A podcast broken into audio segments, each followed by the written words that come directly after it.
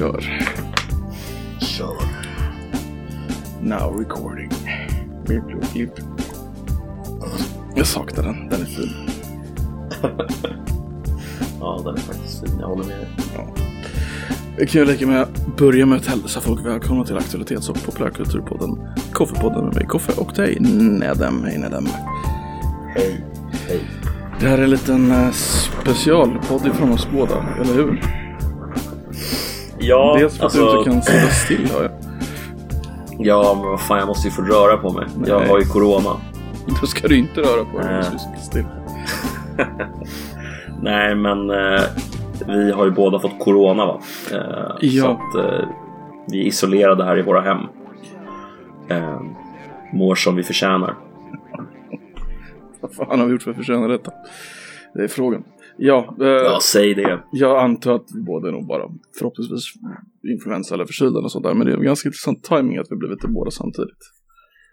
Ja, faktiskt. Alltså nu tror jag i och för sig, som du säger, att det är inte corona liksom. Nej.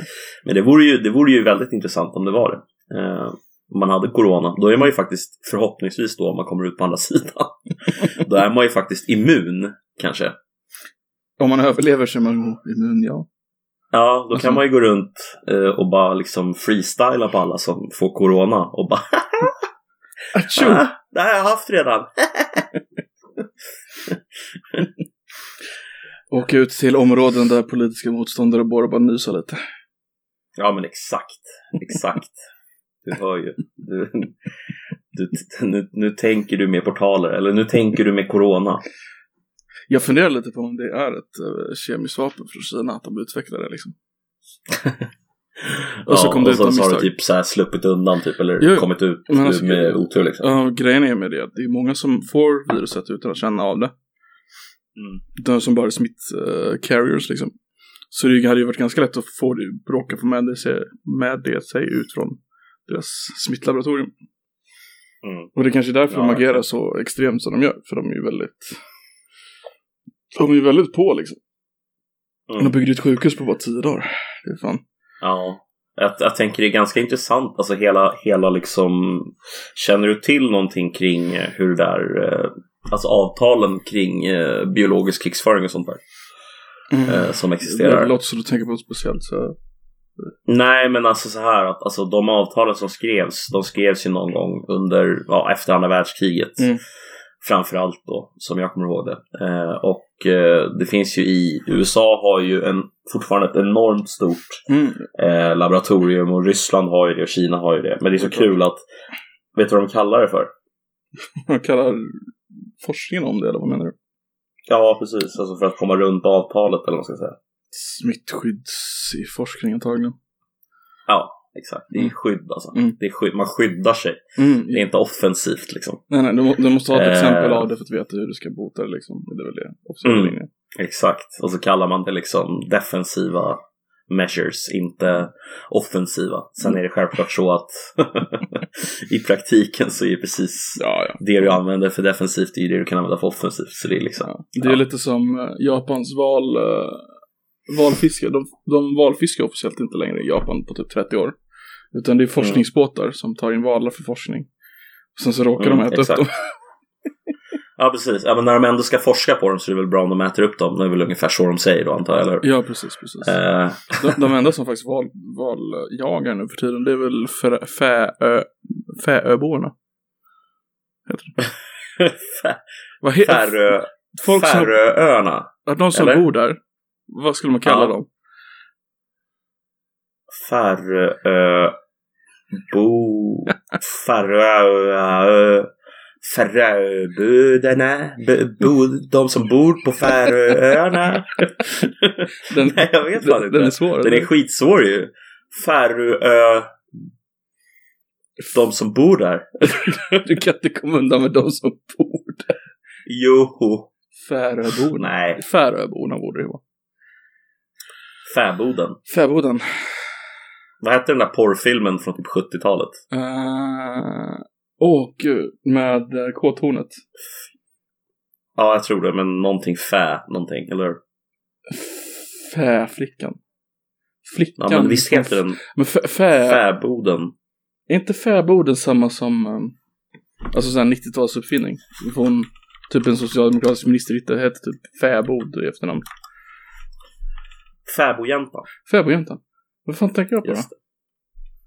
Atle Eh, du- Attefallshus. Och sen så har vi det innan Attefallshus. Vad heter det? Eh, ja, vad hette det? Friggebo. Friggebo heter det. ja. Birgit Friggebo. Mm, hon hade ju, de har hade ju tur hon hette så här bra namn. Men Fäbo, Mm. är, Fäbo är alltså det riktiga, det, är- det är organiskt så att säga då. Mm. Fäbodjäntor, det är det vi har. Det är vår kultur. Det är vår kultur. nej, det, nej det, det, det är det alla tjejer kallas för på Färöarna. Fäbodjäntor. Det är- nu du tar båten över direkt. ja, med, exakt. den, med den falukorven. Ja, för fan alltså. Ja. Ja, ja för fan. Så, att, eh, så vi håller på att dö. Vi håller på att dö. Ehm, Och eh, kommer vi ut ur det här på andra sidan så har vi inte dött. Och det var ju tur det då i så fall. Ehm, Eh, hittills. ja, Eh, En, en, en annan grej som jag vill ta upp som är lite så här elefant i rummet det är att vi har problem med våran Spotify-uppladdning. Eh, Jag har tagit kontakt med uh, supporten och de håller på att kontakta Spotify också. Så det ligger inte på våran sida att det är fel utan det ligger på Spotifys sida att det är fel. De, ska ha, de har direkt kontakt med Spotify och det ska eh, lösa sig men än så länge har det inte löst sig. Men det är på Nej. gång så att säga. det är på G. Så lyssnar du på Spotify på det här avsnittet på Spotify, då har det ju löst sig. Eh, men då kanske du lyssnar väldigt sent. Mm, exakt. Nej, jag vet inte vad, vad som hände där riktigt. Mm. Det, det var sånt tryck på våra avsnitt så att de var tvungna att eh, ta ner dem. Eh, och så många lyssnare. Har du sett en, eh, du vet vem DJ Khaled är? Mm. Han, hade, Absolut. han, han la ut det på Instagram någon gång, så här, typ att han skulle släppa en singel. Eh, Mm. I'm on the pho- phone to Bill Bill Gates telling him to add more iTunes server for my new single. ah. Ja, det är magiskt alltså. DJ Khaled. Ingen har samma självförtroende som DJ Khaled. Alltså det är, är, det är totalt. Det är 100 procent. Han gör ju samma grej i alla låtar också. Mm. Alltså jag har ju aldrig ens hört en låt med DJ Khaled. Nej, nej, allt han gör är att ta in massa andra kända artister. Sen står han bara Yeah. DJ Khaled! Skriker han i bakgrunden liksom. Jag hoppas han gör något med musiken också. För han är inte bra på... Alltså han är ju bra på det han gör men liksom, Herregud, alltså. fan, han gör inte så mycket. Nej, och ändå är han säkert multimiljonär i dollar. Ja, för fan det är säkert. Ja men det är väl härligt. Jag tycker det är, det är kul att folk kan tjäna pengar på saker eh, som egentligen inte liksom är sådär jävla imponerande. Kolla på YouTube. Alltså är det inte rätt fascinerande hur mycket pengar folk tjänar på saker som är så här. Ja, vad är det du gör egentligen? Nej men du åker runt och Alltså jag menar podcastande är ju lite likadant på sätt och vis. Folk som tjänar otroligt mycket pengar bara på att sitta och snacka liksom. Lite skit. Mm. Men då är det ju en tjänst som folk vill ha. Så att jag menar, Mm. missförstå mig rätt. Alltså jag menar inte att det är något fel med det. Utan det är mer så här, det är fascinerande Mm. att det kan gå till på det sättet. Två saker på det där. Jag, jag tänkte på uh, Forbes kom ut i veckan, eller förra veckan med det där. Listan på vilka Mm. podcasters som tjänar mest pengar. Och ettan är ju Joe Rogan då, som tjänar ungefär 25 miljoner på sin podcast. Dollar. Per År. år, eller? Ja. Och det är det är ganska mycket pengar. Shit vad mycket pengar. Men han är ändå 25 miljoner världens största podcast. Ja, jo. Så där ser vi ändå toppen. Mark Maron då? Han, han var inte ens med på deras topp 10. Nej, okej, okej.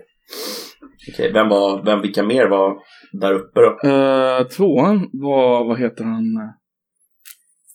Stax Shepard. Som tydligen har en väldigt stor podcast som jag aldrig hört talas om. Ja, Jag har aldrig hört talas om honom ens. Vem är det? Äh, men det är en uh, amerikansk Hollywood-skådis som är lite så här, gjort lite B-filmer. Okej. så han- är gift med Kirsten Bell, hon som är Frozen-tjejen. Mm, Och har du just det. sett Good Place? Nej. Jag har inte sett Good Place, det borde du göra. Det är en bra serie. Mm. Hon är huvudrollsinnehavare i den serien i alla fall. Ja, okej. okej. Och det skulle komma till andra delen, eh, det är inte så jävla mycket pengar på, spot, på YouTube i alla fall. Nej. De har haft två omgångar av vad de kallar Adpocalypse. Mm. Så att där är ju inte så mycket pengar längre. Det är ju mer runt, alltså grejer runt om YouTube. Du får pengar från direkt från själva YouTube-bandet. Mm. Alltså, det beror, alltså om du inte har typ så här 100 miljoner följare som typ Mm. Pewdiepie. Mm, ja, men han tjänar inte så mycket pengar på YouTube heller. Alltså direkt från YouTube. Eftersom han... Du kommer ihåg det här när han... Eh, han blev utkastad från sitt Disney-nätverk. Han var ju med i ett nätverk på YouTube som ägdes av Disney. Ja. Vilket gjorde att han Ja. alltid fick den bästa reklamen. Ja. Nu efter hela den Disney-grejen så blev han utkastad för den så han får ju inte den bästa reklamen längre. Nej. Så han, han tjänar ungefär en tredjedel har han sagt från när han var med i Disney till nu liksom. Oj. Och för övrigt, har du hört att han har tagit en paus? Nej. Du, du måste ju följa, Jag, jag, du måste ju följa med jag vad sett- säger. Men eh, Ja, han, jag har ju sett, någon, jag har ju sett någonting på vad heter det, Reddit ibland om att typ så här de låtsas att han är på massa jävla olika ställen och så här. Eller, ja, jo, jag har fattat att han är, att han har tagit en paus men jag har liksom inte orkat. han sa att Vadå? Ja, han har tagit en paus. Eh, han har inte haft... Han har ju laddat upp minst en video om dagen i tio år sträck.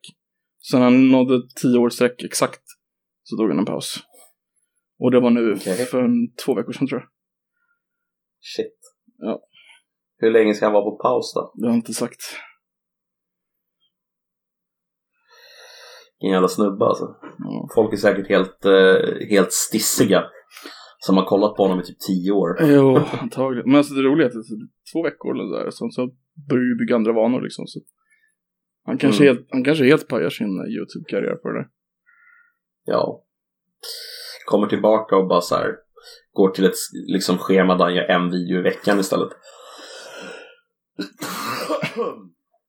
Ja. Eller så har han corona. Mm. Det kan vara så. Det är inte omöjligt. Alltså jag... Hur tror du det kommer hända med corona egentligen? Jag tror det kommer...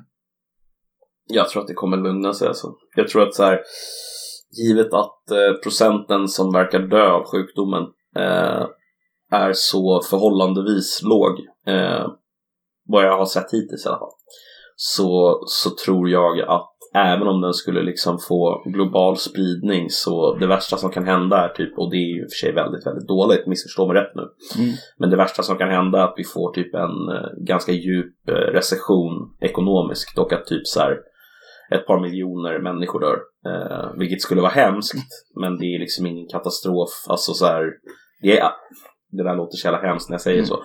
Det är en katastrof, givetvis, men det är inte en pandemi av de proportionerna som man skulle kunna tänka sig, tror jag. Alltså just nu så läser jag Ehm. att den dubblas ju spridningen varje dag. Mm. Och det är ju ganska absurt. Inte, Mm, inte dödsfallen, spridningen dubblas varje dag. Primärt Kina. Mm. Och att de, trots att det här nybyggda byggda sjukhuset så har de inte plats för folk. De var ju tvungna att säga nej till vård till folk som har liksom låg Alltså någon låg version av viruset eller något så här som de inte hoppas inte är så spridsam eller inte helt dödlig än liksom. De, de har liksom inte plats för alla liksom redan nu. Nej, nej precis. Nej men jag, jag, tror, jag tror så här att alltså worst case scenario så, alltså om det stämmer med att det är liksom 2% av de som får ungefär som, som dör. Mm. Eh, Tre tror jag att worst case, eh, ja. ja, ja men någonting sånt lågt liksom. Så då får vi någon global recession, kanske liknande den i värsta fall som vi hade 2008 typ. Och sen ett, att många dör, men det kommer ju liksom inte vara spanska sjukan eh, grej liksom. Vi, vi, Eh, eh, vi, 1920. vi tvådelar den här tanken. Vi börjar med Sverige. Om, om de sprider sig till Sverige, får stor spridning i Sverige, vad tror du kommer hända i Sverige? Jag tror att... Eh, Har vi den sjukvården som skulle Sverige- kunna klara av det? Nej, det har vi Vi inte. har inte den sjukvården. Nej. Nej, det tror jag inte vi har. Eh, men jag tror å andra sidan inte att liksom Alltså så här, som jag har förstått det så är det inte alla som utvecklar de problem som, eh, som gör att du liksom kan dö av sjukdomen. Utan det är ganska, ganska få som blir så sjuka att de, vad heter det, får andnöd och Mm. hela den grejen. Ehm, Men om det är typ 3%, Så- det, är, det, är ändå en, det är ändå en stor mängd liksom. Även om, Ja, även om absolut, 3% det är det. dör så kommer ju en stor mängd vara väldigt, väldigt sjuka. mm, absolut. Och vi har ju inte vårdplatser till dem, det är det jag menar.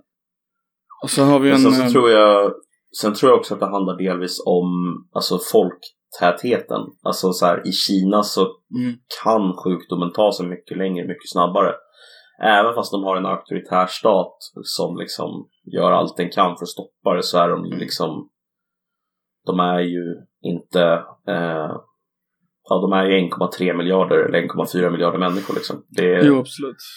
Men jag, jag, jag har två tankar kring det här. Den, den, den, ena grundar sig lite i Sverige. Jag tänker på det här. Vi har ju, om vi ska vara ärliga, ganska många illegala invandrare. Det måste vi tänka. Mm. Så vi har ju inte en folkbokföring som är korrekt längre. Nej, nej så, Så då har vi ju folk som bor väldigt tätt bebyggt. Bo, tätt be, Ja, fuck it. tätbebodda. Tätbebodda. Tätbebott. Ja, men i, i förorter och sånt där. Mm, absolut. Så där, där har du en väldigt hög potential att sprida sig, tänker jag. En högre Mm. potential än någon annanstans.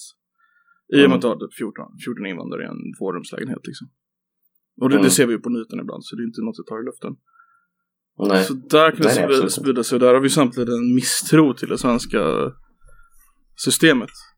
Svenska staten och svenska folket. Och ett hat för det svenska folket ibland. Det ser vi med de här pissöverfallen och förnedringsbrotten som blir allt vanligare. Mm. Så när, om, om coronaviruset börjar sprida sig i de områdena. Vilket jag, där jag även tror att det har störst möjlighet att sprida sig. Då kan det ju gå åt helvete. Alltså där, där kan vi ju se upplopp. Alltså riktigt. Där kan det ju gå åt helvete alltså.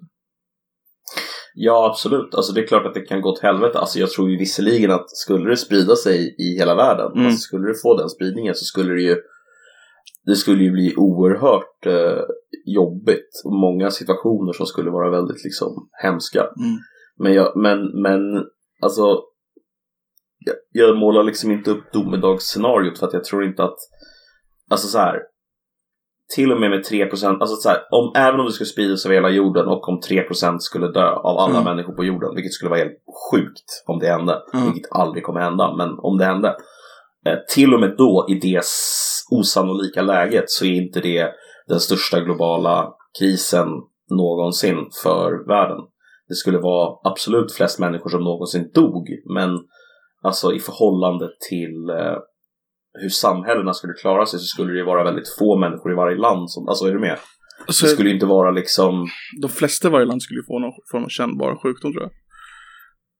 Eller? Tror du? Eller alltså Nej. kanske en, en tredjedel, 25 procent.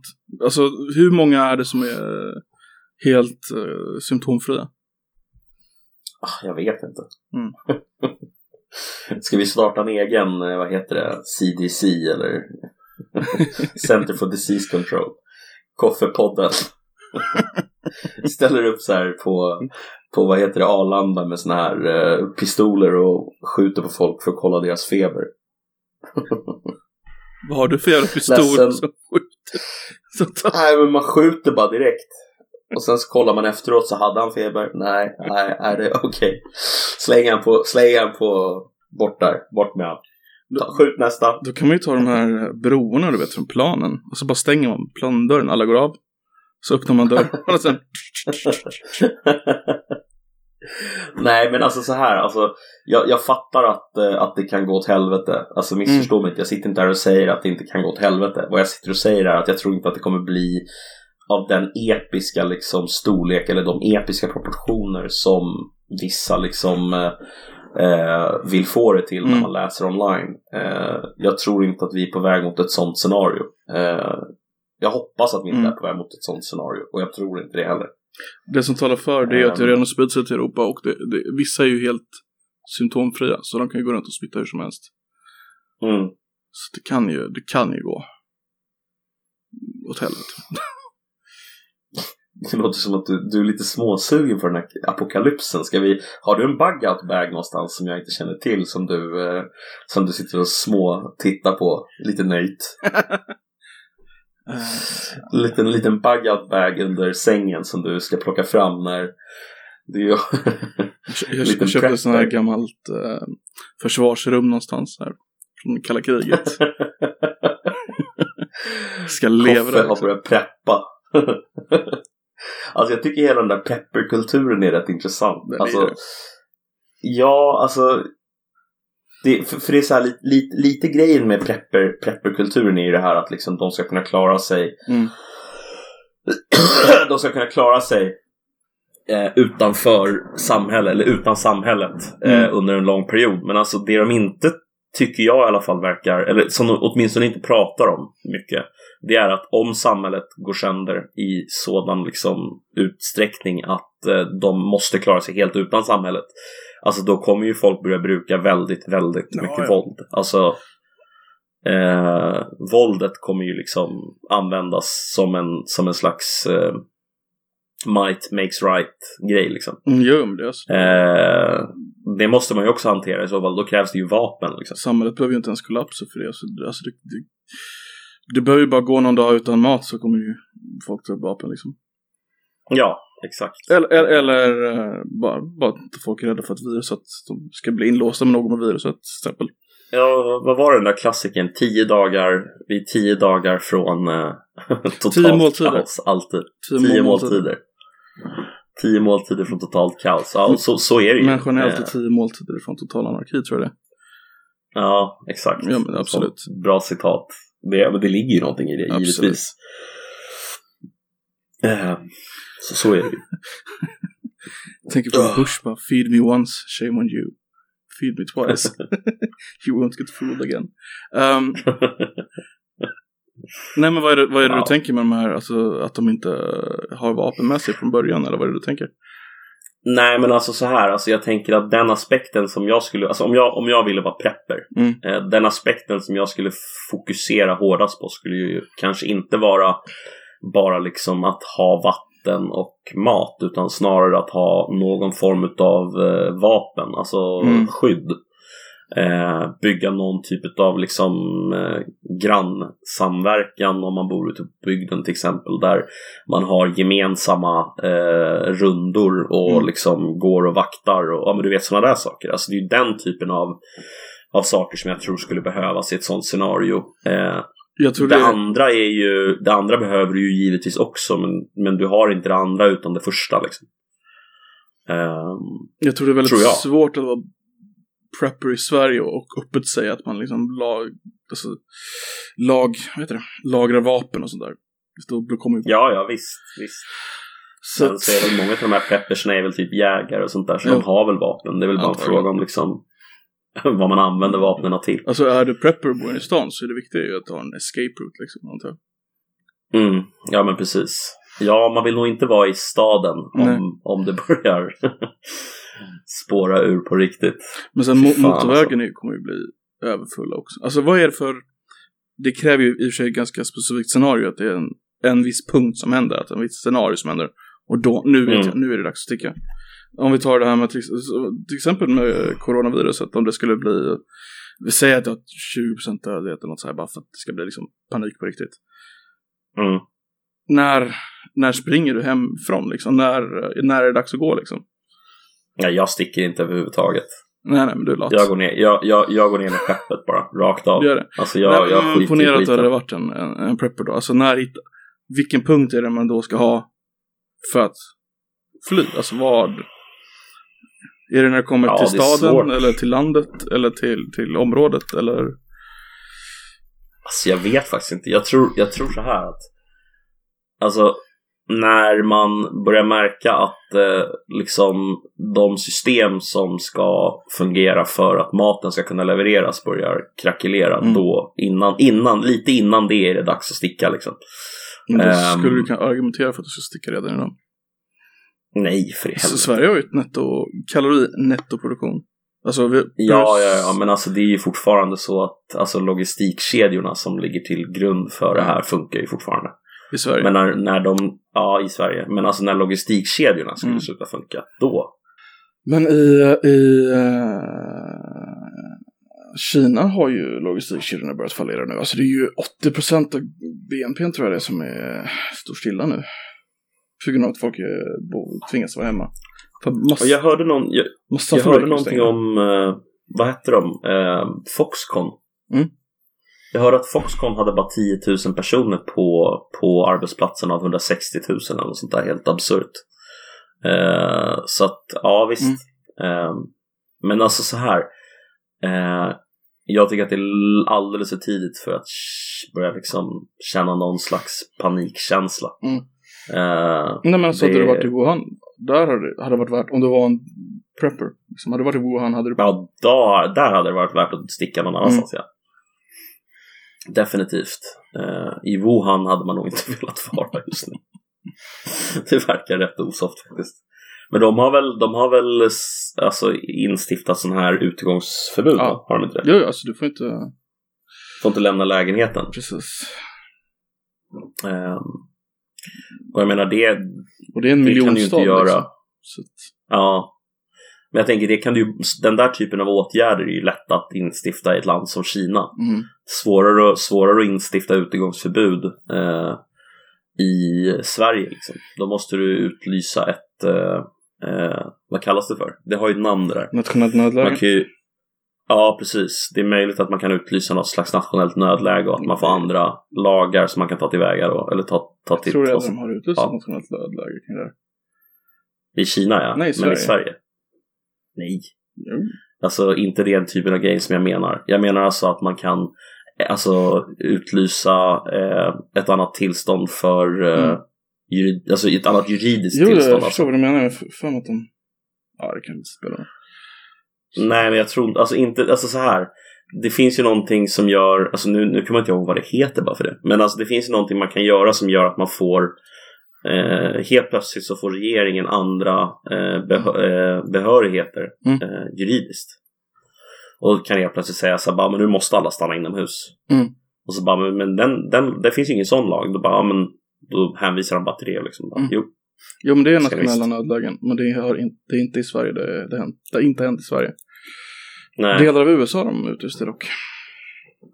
Ja men var inte det bara WHO som typ gick ut och sa att liksom, eller vad säger jag, deras CDC som gick ut och sa att själva liksom Mm. sjukdomen är en kris men inte Ja, jag vet inte. Vi märker väl vad som händer. Snart, snart så sitter vi i skiten. Har du följt med någonting i eh, vad som händer i USA angående presidentsvalet för övrigt? På tal om att sitta i skiten eller vadå? Ja, alltså med tanke på Bidens eh, mag, magplask här i första två valen. Eller första två primärvalen. Är du redo för denna? Mm. Goodbye den. hur, hur, hur går ju den då? Ah, good Biden! ah, shit alltså. Good Biden! eh, det var lite kul faktiskt. Tyckte jag också. eh, nej men allvarligt, alltså vad... ehm, Vi får börja med det första. I, i, första var Iowa va? yes, Det som stämmer. officiellt inte är ett primärval utan en caucus. Men det har ju samma, har ju samma funktion. Ja. Eh, där de hade sådana problem förra valet. Så att de skulle underlätta alla problem. Jag vet, hade gjort en app som alla Ja, skulle det- rösta via. Men då pajade appen. Så jag fick inget svar förrän flera veckor efter. Ja, det är så jävla knäppt så att det är fan overkligt alltså. Ja, det är fan roligt. Fan, det, det tog, två, tog det två veckor att räkna resultatet? Eller fan tog det? En och en halv En vecka? halv vecka. Jag tror jag fick det i fredags nu. Ja, precis. Det är, alltså, det är knäppt alltså. Ja. Men vad, hur tänker man att det ska gå med en jävla app liksom? Ja men alltså tanken är väl att man, man ska vara Om man går in till exempel i en gymnastiksal Mm. för att ha en sån här kakus Kan ju förklara hur det alla- till liksom. Ja precis, vad det jag tänkte. Ja. Man, man ska ju gå in i en gymnastiksal till exempel då Och sen så ska man ju då dela upp sig efter den kandidaten som man är eh, intresserad av Så att typ om jag och Koffe var kandidater Då ställer sig folk antingen vid mig eller vid Koffe då Mm. eh, Nu är det inte så att kandidaterna står där givetvis Nej, nej, men en ja, ändå En representant, exakt. Och då ska då, för att man ska gå vidare, eller, eller för att man ska få räkna de människorna som står vid den, så måste man vara 15% eller mer av totalen i den gymnastiksalen. Mm. Sen är det väl Eh, och- tre omgångar tror jag. Precis, och för Mm. varje gång som du står vid någon som inte, eller jag tror att det är två omgångar bara, att om du står vid den personen du står vid, om ni är under 15% då får du välja om du vill gå därifrån, alltså bara gå hem, eller om du vill gå över till någon annan eh, kandidat Jag, jag, och räknas till deras, deras lag. Liksom. jag för mig att det är tre rundor för de kom ut med tre siffror. Hur det var när folk Okej. gick in i salen, alltså var de ställde sig först. Och sen, Mm. sen har de en övertalningsrunda där en kandidat från varje får försöka övertyga de andra. Kom till oss istället. Ni är så få där borta. Så kom till oss istället, vi står nära er. Så de siffrorna släpptes också de andra över till Ryssland. Och så en tredje och slutgiltig övertygning. Eller en, en, en Ja, tredje. okej, okej. Ja. Så när de kommer in, och så en, ett, ett emellan och sen en slutgiltig. Mm, kan säkert stämma. Eh, det, det, det är helt enkelt en, en process där man, där man väldigt, väldigt fysiskt eh, röstar eh, med sin kropp genom att gå till den platsen. Liksom. Precis. Det, den här appen skulle då underlätta det här. Hur vet jag inte. Ja, Jag, jag, jag läste lite, det var typ så här, du skulle liksom registrera antalet personer, förstod jag det som, i den här appen. Eh, för varje liksom kandidat och sen så gick allt bara åt helvete. Eh, Det gäller ju att man litar på den som appen alltså. Ja, exakt. Annars bara, nej Eh. men min kandidat har tusen pers. Synd. bara, ja men eh, det var ju bara 700 där. Det är ungefär den Eh, siffran jag kommer ihåg. Ja, ja. men det står 1000 här i appen. Jag nej men, men eh, illegal invandring. Ja, eller hur? Me- Mexikanerna, de röstar. Trump Nej, men fan det är... Det, det, det är demokraterna, det är klart mexikanerna får rösta. Ja, exakt. Trump är vansinnig. Ehm, Jag såg, eh, jag vet inte om SVT, men det var något så här jävla, så hade de ett inslag, eh, alltså, det är ju varje distrikt har ju sin egen vallokal. Och vallokalerna behöver ju inte vara en gymnastikhall som du sa, för de kan ju vara, min- det ju vara ännu mindre distrikt Mm, så att säga. absolut. Så det var, det var ett präst, en, en präst och hans fru som hade, hemma hos dem fick man komma och rösta. jaha, shit. Vadå hemma i deras hem liksom?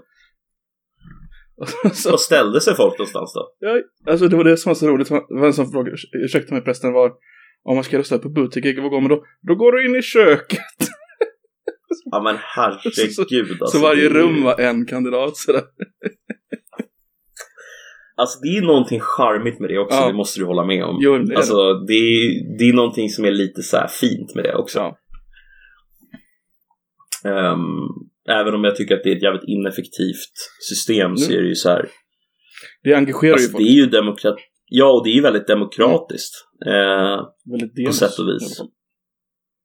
vad sa du? Med betoning på demos. Ja, precis. Folket, eller hur? Mm. Eh, men eh, ja, jag vet inte. Jag, alltså, jag är fascinerad över hur eh, mycket vikt folk lägger. Alltså så här. Det är väldigt intressant om man tittar på nationella nationella såna här valundersökningar. Mm. Hur mycket de påverkas av resultaten i eh, de här eh, primärvalen. Därför att alltså, det var ganska känt sedan länge att eh, till exempel Bernie Sanders skulle vinna nu i New Hampshire. Mm. Det var ju liksom, det visste folk. Ja. Ehm, Det är ju grannstaten till hans egen stad också. Så det är inte så konstigt. ja, precis. Han är väl, vilken, vilken Vermont. delstat är det han? Ver, Vermont, just det.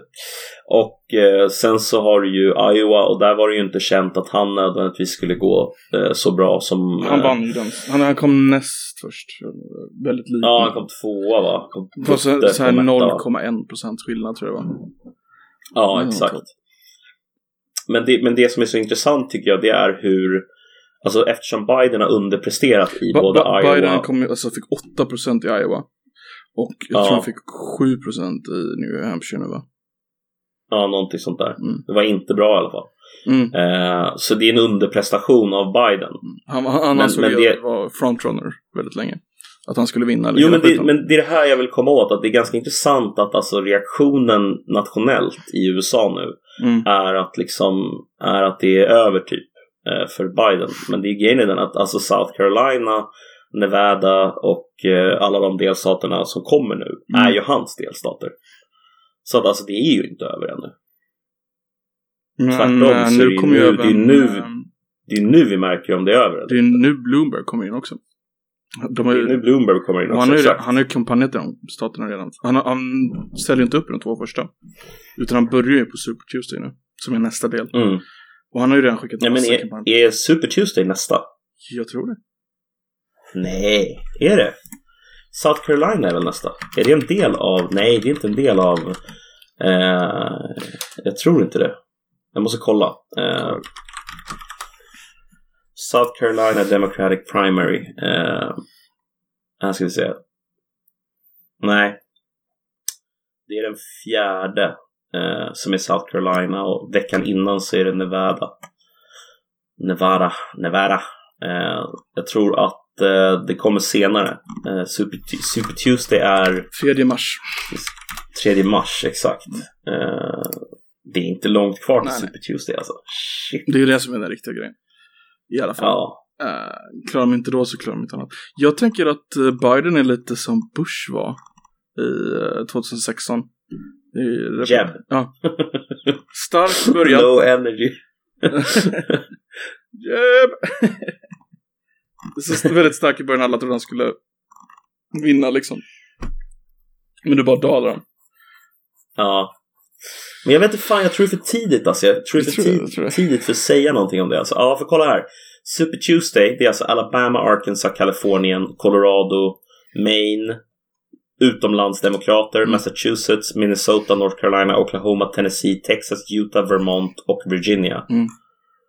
Det är 1357 av 3979 delegater. Ehm, Vilken är nästa sa du? Nevada. Nevada. 22 februari. Där Nevada! Nevada! var det så kraftig göteborgska på den. Nej, jag vet inte. jag tror det. Det var ganska kraftigt göteborgska. Jag gillar, jag gillar det. Ja, jag hade ingen tanke på det alls om jag ska vara ärlig. Nej, det är jag som bara reagerar för att jag är en jävla fitt stockholmare som inte... Ja, Du vet hur vi är. Det är bra att Du vet hur vi är. Det är bra att du vet din plats i alla fall. Ja, exakt. Det har inte gjorts en ny eh, Nevada Democratic eh, poll sen ungefär en månad nu. Där? Nej. Men i den som kom för en månad sedan, då, då ledde Biden. Men det är ändå en månad sedan. Alltså, 22 är alltså, det är alltså nästa, eh, nästa lördag. Alltså inte nu på lördag, utan nästa lördag. Mm. Och South Carolina är den 29, så det är Lördagen efter. ja, lördagen efter det. Varför så byter de till lördagar? De var ju alltid tisdagar. Jag vet inte. Bra fråga. Men, men, och sen efter det så är det Super Tuesday. Mm. Ehm, och det kommer ju, alltså jag tror så här. Om Biden gör bra ifrån sig både i South Carolina och Neva- Nevada så Mm. kommer diskussionen se mer, alltså se annorlunda ut igen. Eh, än vad den gör just nu. För just nu så är det ju liksom, narrativet är ju liksom att eh, nu, är, nu är Biden, nu är Sanders frontrunner liksom. Sanders och Buttigieg. Mm. Buttgeggan. Rumpgeggan ja. Rumpgeggan. Ja men hur ska man Ehm. uttala det? Buttigieg. Bu- Booty. Jag vet inte. Booty, bu, Buttigieg? Buttigieg? Nej, jag vet faktiskt inte. Booty. Jag tror, jag tror Buttigieg, men Buttigieg. Ja. bu, Buttigieg. Måste vara Nej, jag polskt bu? Buttigieg? Eller är det ungerskt kanske? Jag vet inte. Ska vi kolla upp det? Uh, butte. Alltså varför kan man inte bara söka på Butte och hitta honom på en gång? Det tycker jag är dåligt. Bu- Buttigieg. Buttigieg. Alltså du har här har den här eh, eh, ljudstavningen. Så där ser det ut. Buttigieg. Ja, det där hjälper mig jättemycket. Speciellt lyssnarna. Buttigieg. Han är, åt- han, är alltså, han är alltså 82. 38 år ja. Mm. Uh, före detta soldat vill jag minnas också. Mm. Och bög. Och, eh, och CIA Opera. Nej, men, nej, var, nej, det kanske inte var. Nej, va? nej jag vet inte. Jag driver bara. Det är folk som säger det hela tiden när de pratar om honom. Så säger de att han är en. Ja, de driver ju. Ingen Eh, men psyop. Ja, han är, han är CIA psyop för att vad heter det, plocka ner Bernie. Jag tycker det är Feel intressant med honom, för han är Han går ju alltid ut och säger att han är väldigt, väldigt, väldigt kristen. Mm. Och samtidigt är han en man, manligt gift. Alltså han är gift med en annan man.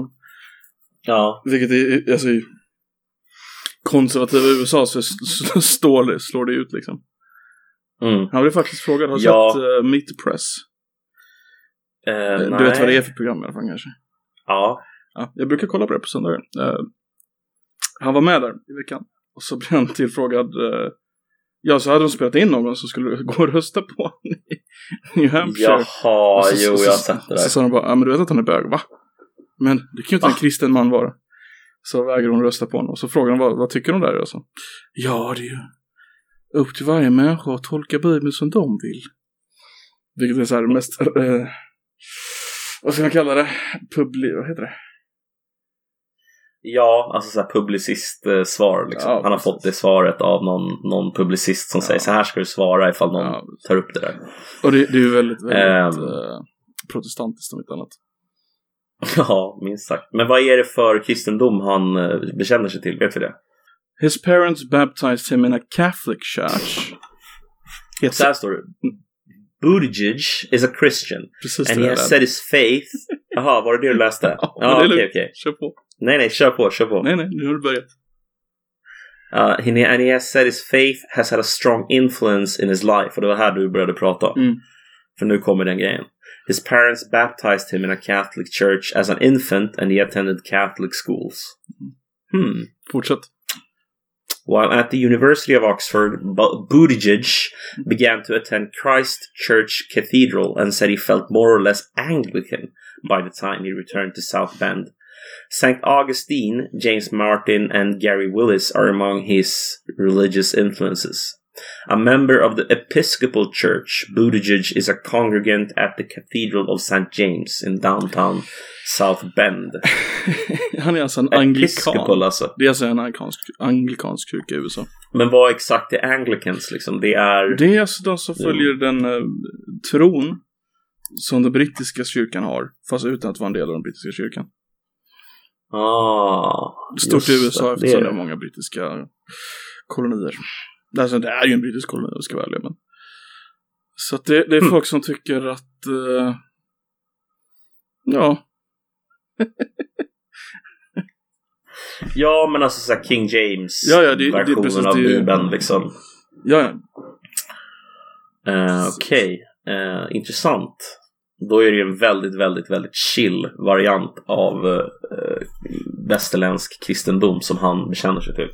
Alltså i relation till eh, den typen av eh, amerikansk kristendom som konservativa bekänner sig till som är mer eh, born again liksom. Ja mer eller mindre att man tillkänner eh, liksom allt det. Men just att vara anglikan och alla jävla grejer man kan vara, det är fan lite löjligt. Anglikaner. Nej, för fan. Koffe, du, du, du, du gillar alldeles för mycket med den här jävla... Vad heter de? Ehm, du, du, du tycker ju katolicismen skulle vara liksom... Det är ju det är äkta kristendom, eller hur? Jag vet inte om jag ska, jag fel? ska gå in på det här. Jag satt på Jag en, eh, en julfest för några år sedan. Ja. Så var det så att alla hade med sig sina respektive och sådär. Och så var det random placering, så jag hamnade med folk som jag inte alls kände.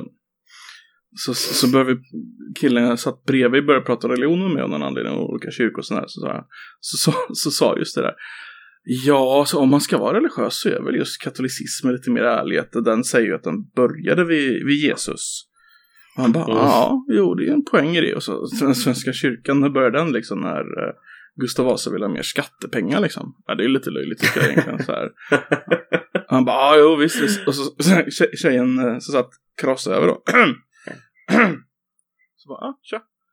Jag vill ha du väga in om du vill. Jo, som präst i Svenska kyrkan tycker jag.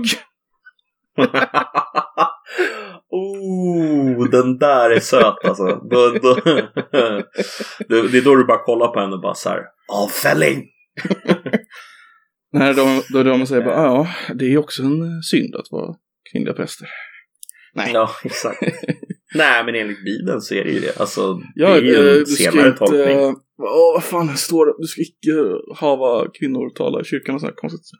Ja, det står något sånt där. Ja. Alltså, missförstå mig rätt nu. Jag, jag, jag hatar ju religion, det vet du ju. Mm. Men, eh, men eh, Jag tycker det är oerhört Jag är intressant. ju- om jag ska vara ärlig.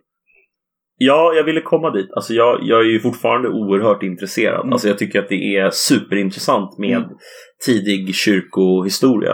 Eh, just arianismen är någonting som jag Mm. tycker är sjukt intressant. Arianism. Eh, för, de, ja, för de som inte vet då så var det tanken var då att eh, treenigheten var inte liksom någonting som de accepterade. Nej, nej. De, De trodde väl att Nej, säg Jesus var eh, inte var gudomlig vill jag minnas.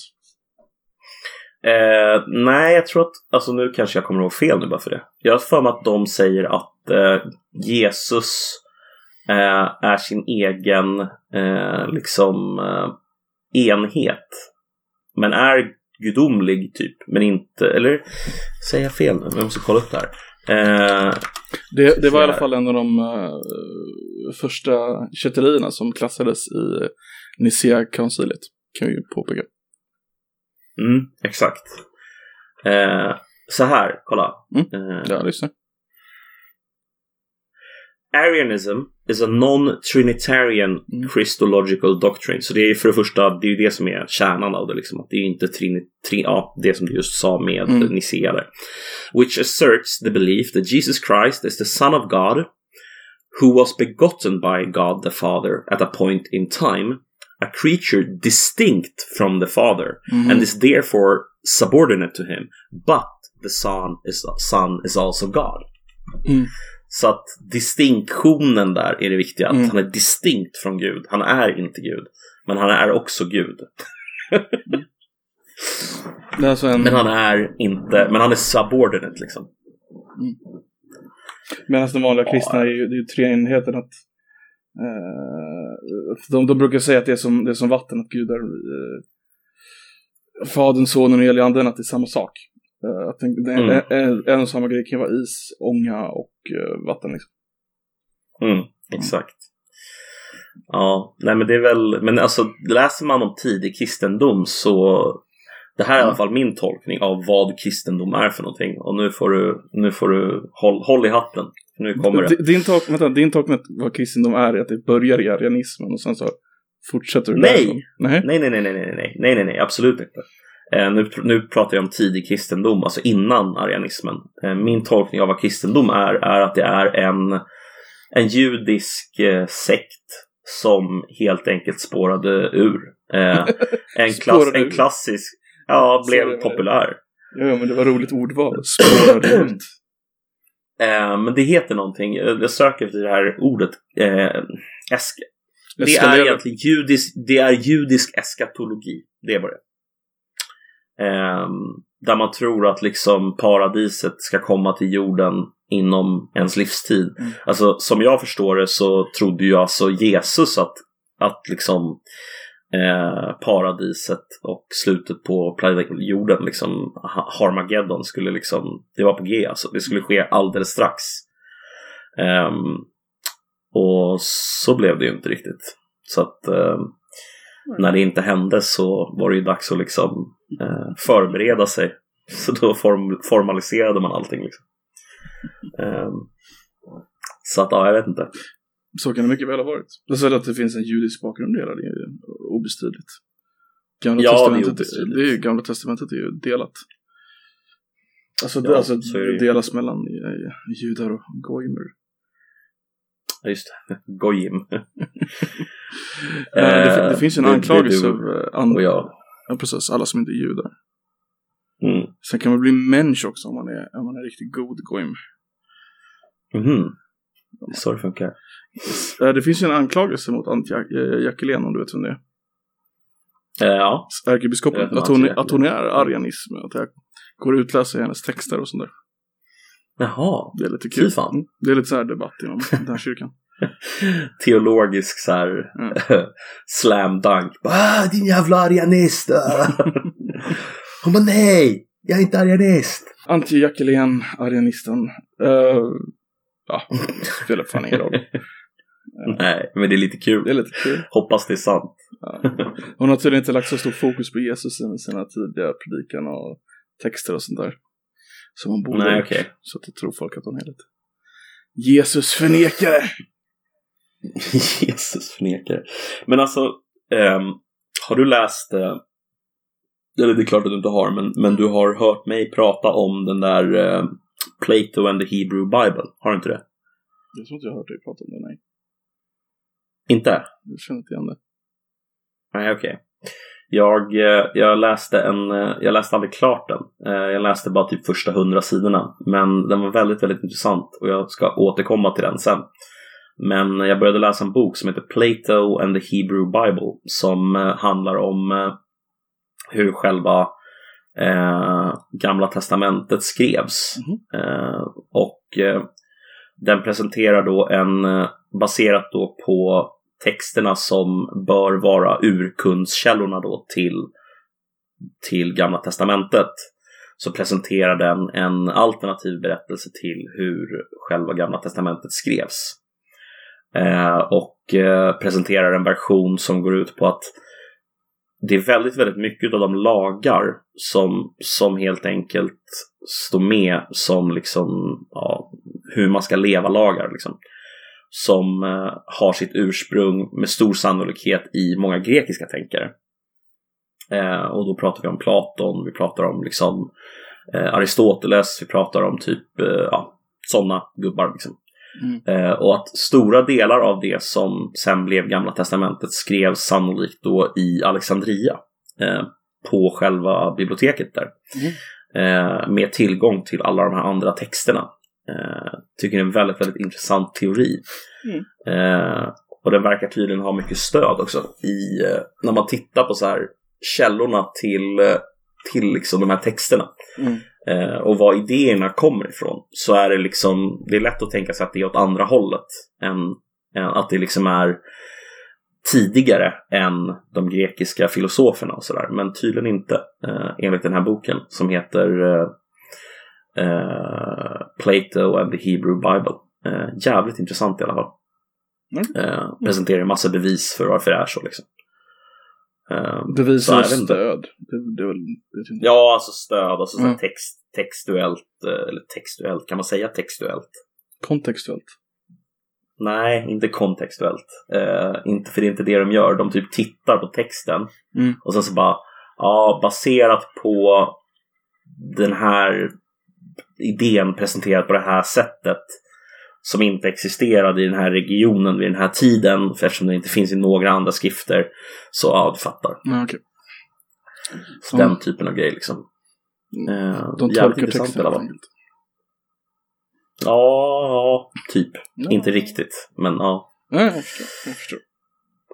Det är jävligt, jävligt intressant i alla fall. Ja. Tidig sån här kyrkohistoria är ju Alltså det är sjukt fascinerande. Uh, jag läste en annan av en gubbe som heter Bart Ehrman som pratar om uh, typ uh, alla misstag som har smugit sig in i uh, Bibeln under, under liksom de åren när, när den kopierades av, av vad, het, vad heter det för någonting? De som sitter i sådana här, inte munkar, precis tack, munkarna som kopierade den. Som smög in egna idéer och tankar och man kan liksom hitta misstag som om du hittar tidigare manuskript så kan du se liksom att eh, det som är skrivet senare stämmer inte överens med det som är skrivet tidigare och så vidare och så vidare. Och det är massa sådana här absurda grejer. Eh, men sånt, inte sånt, jag tycker sånt är fa sjukt fascinerande. Men det kanske inte är det du tycker är lika fascinerande med religion, jag vet inte. Skrifthistorien? Nej, jag vet inte. Ja, skrifthistorien. Det är nog inte min fokus i alla fall. Men det är, det är intressant, men det är, det är lite som eh, du vet den där gamla barnleken när man står på en led och så ska man viska så bara till den andra. Så viskar den till den mm. andra. Så det blir det en liten skillnad i slutet Exakt. liksom. Precis. Det är ju inte jättekonstigt men förhoppningsvis så hade de väl tillräckligt många biblar så att det blev någorlunda konsekvent. Alltså om en ändrade lite så kunde man ju ändå ha Kanske ha typ ja, tio biblar var... totalt i, på en Det verkar ju med med testamentena verkar det eller nej inte testament, det heter som testamenten. Ja. Eh, det, verkar ju finnas ett testamente som alla andra har baserat sig på, mm. som heter Q. Eh, som inte existerar ens idag. Testament of Q, låter ju helt... Ja, kolla upp det får du se. Är inte det där uh, Qanon, är inte det där Trump-grejen? Har, har, har, har du förvirrat dig själv nu? Nej, Q-källan. Uh, the mm. Q-source is a hypothetical written collection of primarily Jesus sayings. Mm. Alltså om du kollar på yes, Matthew yes, och Luke och så vidare så ser du att liksom Man kommit därifrån Mm. från Q. Men det var väl en Det fan alltså, de hade en, det var väl några hundra år innan de skrev ner allting, så allting var väl oralt där i början. Jag förstod Ja. det. Jag tror det första är nedskrivet typ 100 år efter eller sånt där, 130 typ. Något sånt där. Mm. Ja, Det, är, det är fascinerande. Det är också väldigt fascinerande. Alltså, för det finns ju, alltså det finns ju, finns ju en del bevis för att Jesus var, alltså det, att det var någon form av riktig, riktig människa där liksom. Ja, en historisk person. Ja, precis. Men att de så först efteråt började skriva ner det, det är också ganska intressant. Istället för att de Mm. skrev ner det under, under den tiden. Mm. Ja, men alltså som jag förstår det så är det först liksom när det börjar bli formaliserat. Alltså, det, egentligen så är ju grundaren av den kristendomen, den faktiska grundaren, det är ju inte Jesus, utan det är ju, vad heter han? Paul. Alltså, ja exakt. Exakt. Mm. Saint Paul. Det är Mm. han som är liksom källan till att den blir formellt liksom en religion i ja, första ja, många, på många sätt. Ja, exakt. Exakt. Ehm, så att jag vet inte, det känns som att det liksom är någon slags ehm, ah, Jesus blev någonting annat liksom. Nej men just det där. Genom honom. med första påven, det, så där tycker jag är lite coolt att de att katolska kyrkan verkligen har liksom en, en, en, linje. Här är första påven, andra, och så hela vägen fram, Mm. fram till idag. Det tycker jag, om man ska vara kristen så tycker jag det ger lite mer kredibiliteten liksom. Book of Mormon, ja vi, en kille hittade någon tavla ute i skogen. Liksom. det här är liksom ändå, ja men det där var Jesus, och det var hans kompis, och så har vi Mm. fortsatt vad han sagt i 2000 år. Alltså Ja, det, shit, det är liksom alltså, ändå liksom, det finns en logik, ja. Mormonismen, Så det alltså. finns en... Boom. Som jag tycker är svårt Ja. att inte... Alltså, det, det bör ju respekteras på något sätt i alla fall. Alltså, det finns ju något i det. Ja, det är klart. Alltså det, är ju någon slags idéarv Mm. som har förts, förts genom 2000 år. Ehm, det är ju ganska fascinerande. Mm. Oavsett om man tror att det ligger någon sanning i det så är det ju liksom fascinerande oavsett. Alltså, men alltså hur skulle du, har du någon egen tro liksom överhuvudtaget eller är du bara, jag är väl någon form av... är du, är du ateist själv, agnostiker, vad skulle du kalla det för? Jag var ateist när jag var yngre i alla fall. Uh, Ja, mm, jag är väl någon form av... Jag vet inte. Sökande, kanske? Agnostiker. ja. Agnostiker, jag, jag har svårt att bara se, vad ska vi kalla det, att bara svepa under bordet som vi kunde göra när vi var yngre. Och läste Hitchens och allt sånt där liksom. Ja. Mm. Jag kan inte riktigt göra det längre, av någon anledning. Men jag vet inte riktigt, jag skulle inte, jag skulle inte kalla mig kristen för det eller. Eller Nej, eller precis. så. Du, du, du, har någon slags liksom, ja men skulle man kunna säga så här att den agnostiska eh, inställningen, det finns väl någon slags två olika inställningar där, eller kanske till och med tre. Ja, det tänker jag gnostisk, gnosticism och sånt där. Ja, alltså skulle man kunna säga att du är typ agnost... Nej, du är så här, du är gnostisk agnostiker. Du tror, du, du känner så här, men fan det är någonting liksom. Men du vet inte vad det är, du skulle inte kunna sätta några ord på det. Men du, du lutar åt att fan någonting är det liksom. Som är udda. det är no- something's fucky around here. Something's fucky around here. Jag, först, jag förstår inte viljan av att det inte skulle vilja vara någonting. Förstår du? mm. Ja, jag fattar. Vad, vad gläder det? Alltså, varför vill man inte att det är, inte är något? Så att säga. Det är en, en dubbel negativ i och för sig, men varför? Varför inte, inte, inte? Det är trippelnegativ. Nej men eh, ja, alltså så tänker ju inte jag personligen i alla fall. Det finns väl säkert någon som tänker så. Um, Hitchens var väl en riktig antiteist liksom. Ja, Hitler, Hitler höll jag på att säga. Hitchens var ju stolt anarkist. Det var han. ja eh, Inte hans bror dock. Hans bror är mycket trevligare. nej fy alltså. Usch. Peter Hitchens. Tycker han är ganska skön faktiskt. Jo, han är rätt skön. Jag kan skratta åt saker han säger, men jag håller ju inte med honom om mycket saker alltså. Ehm, men, men, men så här, alltså, skulle man inte kunna säga att eh, en agnostiker eh, av den typen som du bekänner dig till kanske då är en person som säger så här. Det vore trevligt om det existerade någonting, men jag vet inte. Möjligen, alltså jag, jag har inte riktigt... eh, det känns som du verkligen vill sätta mig i något fack här för att det är enklare för dig. Men jag, Ja. jag kan inte riktigt hoppa ner i ett fack medvetet. Eller Nej, det går inte riktigt. Okej. Mm. Nej, jag fattar. Jag fattar. Nej, jag vet inte, jag tycker det är en intressant fråga alltså. Jag tycker det, det är Men du, hur sit, man ställer sig till. du, eh, du sitter där bredvid Hitchens, gamla Hitchens och är antitist förstår jag. Alltså nej, eh, jag skulle nog inte kalla mig antiteist. Jag skulle nog definitivt hålla med honom om att religion har väldigt många dåliga och negativa eh, liksom eh, effekter. Men jag tror också att det är fullt naturligt att folk tror på Mm. någonting bortom sig själva. Därför att det är helt enkelt väldigt enkelt att göra det.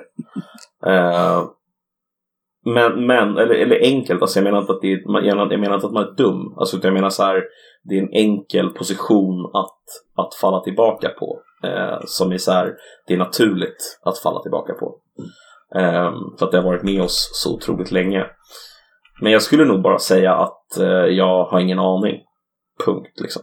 Okej. Jag vet inte. Alltså jag kan ju inte bevisa varken för eller emot. Fick jag gissa skulle jag ju säga att det inte existerar någonting. Men alltså jag har ingen bevis för det. Jag har ju ingen, jag kan inte, jag tror ju liksom att det inte finns någon, men jag vet ju inte. Så jag, jag, jag ställer mig bara någonstans och bara säger så här, jag har ingen aning. Mm. Jag, om jag fick gissa skulle jag säga nej, men I don't know. Det är också någon form av agnosticism egentligen. Ja, jag tror alla är agnostiker egentligen, alltså förutom möjligen de absolut mest troende. Eh, alltså alla bekänner väl, eller erkänner väl att de inte vet liksom. Nästan. Inte alla, Mm. men Vad heter han? jag tror många gör det. Den gamla gubben, britten. Dawkins. Ja, han, han är ju fan ateist så fan. Ja men till och med han, alltså om man läser hans The God Delusion så erkänner han ju att han bara är agnostisk eh, ateist. Alltså säga att han, han är, han lutar mot att inte någonting existerar Mm. men han erkänner att han vet ju inte det. Okej. Eh, så att det är ju en sån här fråga som, jag vet inte, i slutändan så måste man väl någonstans falla ner på någon av de där sidorna, tror jag. Eh, tror man att det liksom är mer sannolikt eller mindre sannolikt eller whatever. Jag tror väl inte att det är speciellt sannolikt, men jag vet ju inte. Vad fan, hur skulle man kunna veta det liksom? Det är svårt att veta. Ja, absolut.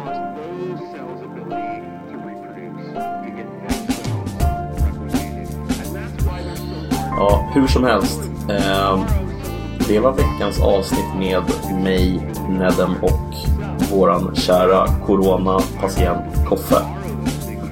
Eh, Från en coronapatient till en annan. från en coronapatient till en annan så avslutar vi nu denna vecka med att eh, hoppas att det inte blir någon eh, corona, eh, något, coronautbrott i Sverige i några värre. Det var en va? Det var en, en Norrköping tror jag. Var det någon, var det någon asiat som hade kommit hit från Kina eller? eller vet vi det? Mm, jag kommer inte ihåg. Nej, vi hoppas på det bästa i alla fall. Så säger vi tack för oss. Tack för oss. Tack för dig. Tack för mig. Ha det bra. Hej. Ha det gött. Hej.